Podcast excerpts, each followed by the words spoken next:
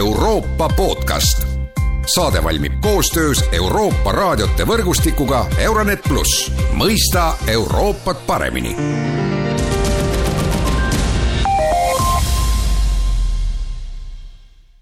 tere päevast ja tervitame siit jälle Euroopa podcasti stuudiost. suvi on läbi, see aga tähendab, et tagasi on ka Euroopa podcast. Avasaade kõneleb teemast, mis paljusid Eestis kõnetab, ehk plaanist kehtestada Vene turistidele üle Euroopa Liidu viisakeeld. kolmapäeval kohtusid Euroopa Liidu välisministrid, päris viisakeeldu ei tulnud, aga mingeid samme selles suunas astuti teemat on kommenteerimas peaministri välispoliitika nõunik Liis Lippre-Järma, tere päevast! tere! ja mina olen Erkki Vahovski. ja Liis, millise hinnangu siis võiks anda Euroopa Liidu otsusele mitte kehtestada ühist viis, viisakeeldu, aga lõpetada viisasoodustusrežiim Venemaaga, et noh, me teame, et Eesti ju tegelikult soovis saada üldist viisakeeldu üle Euroopa Liidu, aga seda veel ei tulnud, et, et kas me oleme selle nii-öelda kompromissiga rahul? tere veel kord, välisministrid pidasid esimese arutelu sellel teemal ja see oli nende mitteametlik kogunemine ja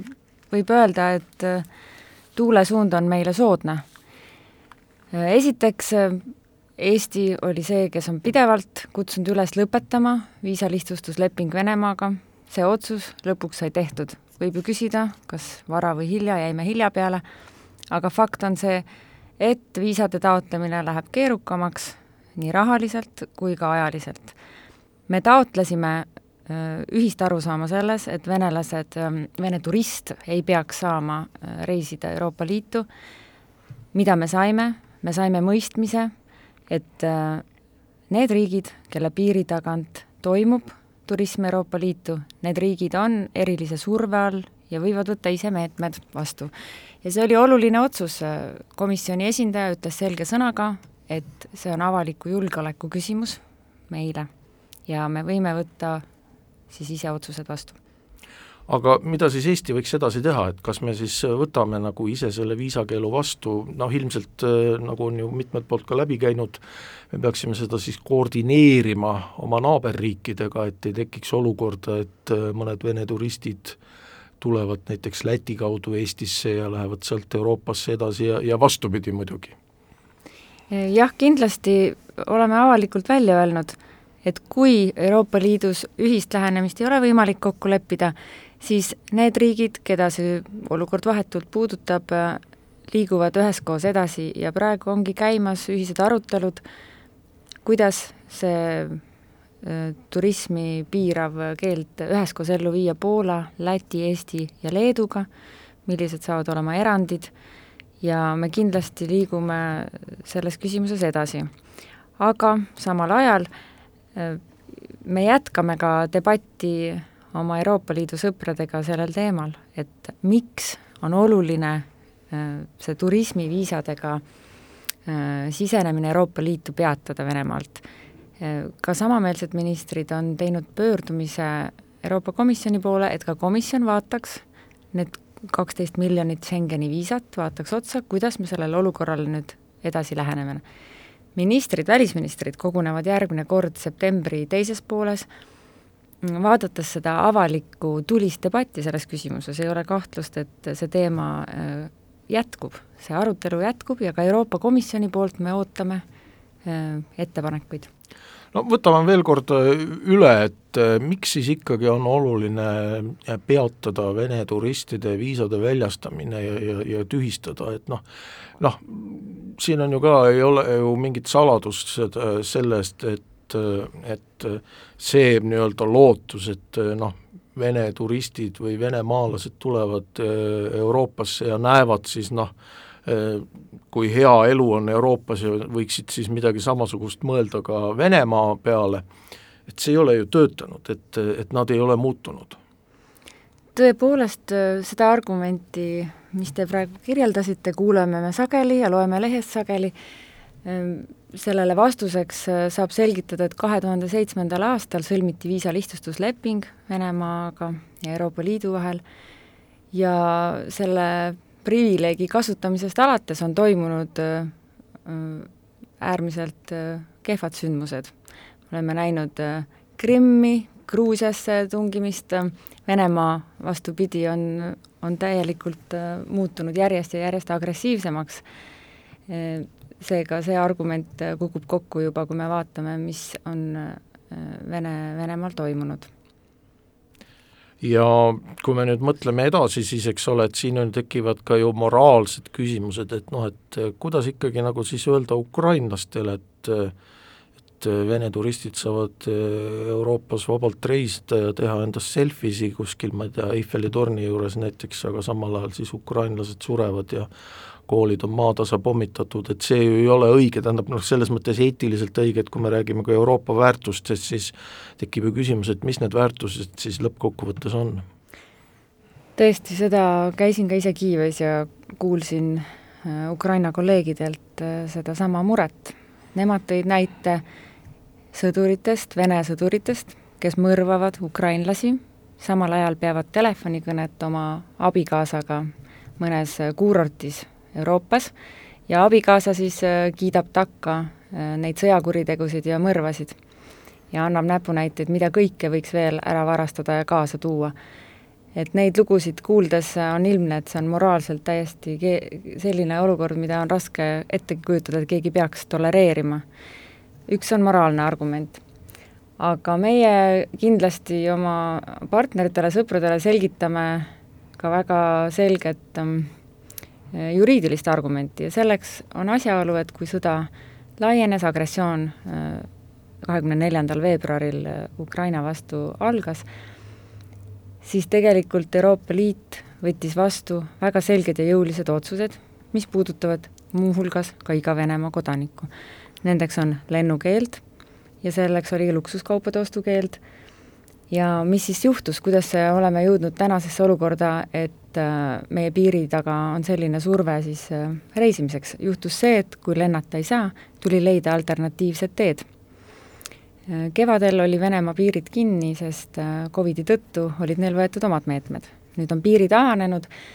ja statistika on kõnekas, kolmest riigist, Soomest, Eestist, Lätist liigub enamik turismi Euroopa Liitu, Eesti kannab kolmkümmend protsenti sellest mahust enda, enda õlgadel ja meie tõlgenduses ja meie argument ütleb, et tegelikult hiilitakse sellise maismaad pidi reisiga mööda lennukeelu sanktsioonist, mis on kehtestatud, leiti alternatiivne viis. ja tegelikult me peaksime siis selleks, et see sanktsioon oleks tõhus, me peaksimegi piirama ka turismi. sama kehtib luksuskaupade kohta, ei ole mõeldav, et me suudame kontrollida, mida ostleb üks turist erinevates Euroopa Liidu puhkuse sihtkohtadest, mida ta tagasi viib. Nii et äh, lisaks moraalsele argumendile on meil ka selge juriidiline argument. No vaadates neid reaktsioone Venemaa poolt, siis tundub, et see viisakeeld äh, on tabanud valusalt ja ja noh, on selliseid reaktsioone, et äh, tavainimesed ei saa üldse aru, millest on juttu, et miks siis äkki keelatakse, noh, nad elavad selles infoväljas, aga on muidugi ka päris räigeid ähvardusi, viimane näiteks tuleb siis Vene Välisministeeriumi pressiesindajalt Maria Zahharovalt, kes siis ütles, et äh, jah, et äh, piirid, turistid piire ei ületa, aga vaat radiatsioon võib üle piiride levida, noh, mõte oli siis selles, et Venemaa võib midagi korraldada tuumaelektrijaamas ja, ja, ja nii edasi ja nii edasi, et, et noh, tundub, et see, see sanktsioon nagu reaalselt töötaks. et see avaldaks nagu mõju ja, ja inimesed võib-olla hakkaksid siis tõesti küsima, et eh, mis siis seal Ukrainas reaalselt toimub jah, see on ka meie arusaam, et äh, eriti valusalt äh, tabas siis see sanktsioonipoliitika diskussioon äh, Venemaa liidreid ja mis seal salata, ka trolle ehk neid, kes siis oma propagandaga äh, püüavad meid siin läänes hirmutada äh,. Venemaa on terroristlik riik, hirm on see, relv, mida ta lisaks tavapärasele sõjalisele arsenalile oma igapäevaelus kasutab. täna näeme seda ehtsalt Zaporižžja tuumajaama ümber toimuva näitel. mis nad teevad? Nad ähvardavad, hirmutavad, mis põhjusel? et mõjutada äh, vaba maailma poliitilisi otsuseid, hirmutada vaba maailma liidreid, äh, üks nende suurim siht on tõesti sanktsioonipoliitika, mitte ainult turism, turism on eriti esile tu-, tulnud põhjusel siis, et äh, meil siin kodumaal, et meie peaministrit ähvardas siis äh, Venemaa esitrolliks sirgunud Dmitri Medvedev. ja see sai laia kõlapinda ka laias maailmas põhjusel, et ei ole just sagedane, kui riigijuhtide suunal selliseid ähvardusi suunatakse. ja see taotlus siis panna meid vankuma oma otsustes, see taotlus sihtida äh, sihtida diskussiooni sinna, et kui me leevendame sanktsioone, siis läheb midagi paremaks, see on nende taotlus oma hirmutamisega. et äh, siin on meil piiril, nii-öelda vaba maailma piiril eriline vastutus kanda ja seda nende taktikat, hirmutamist äh, laialt selgitada, on see suletud uste taga, on see avalikult areenil või, või meedias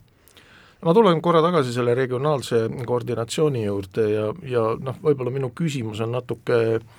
üle pakutud, aga,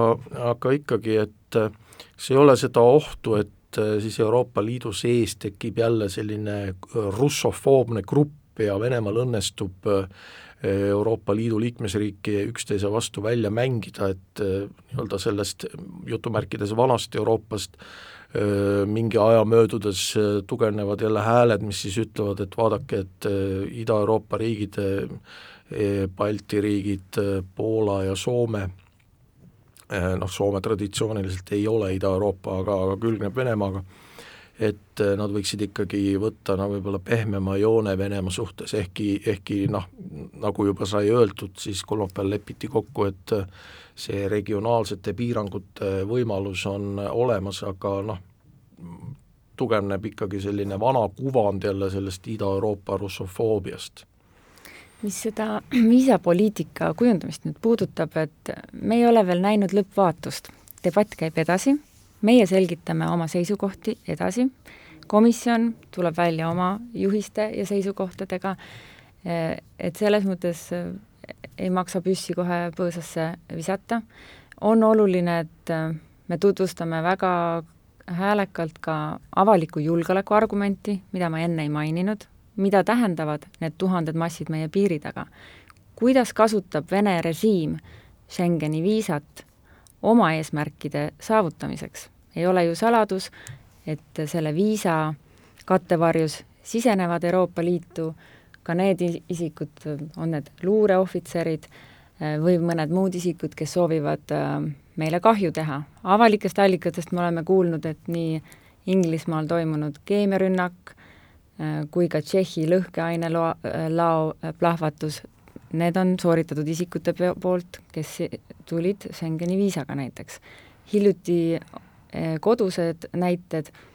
Mm, Narva tanki eemaldamisega seoses saabusid Schengeni turismiviisadega Eestisse kaks Izvestja ajakirjanikku. kõiki neid näiteid me selgitame ja jätkuvalt selgitame ka oma liitlastele ja sõpradele,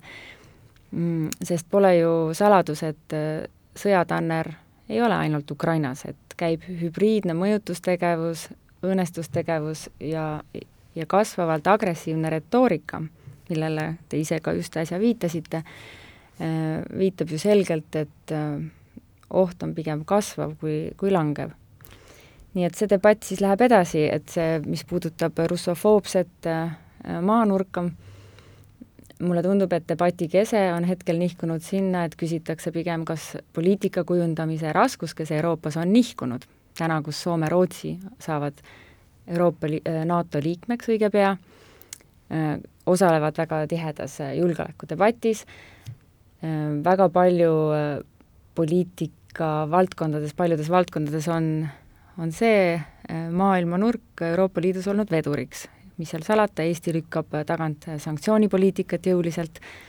nii et ma arvan, et me täna oleme siiski olukorras, kus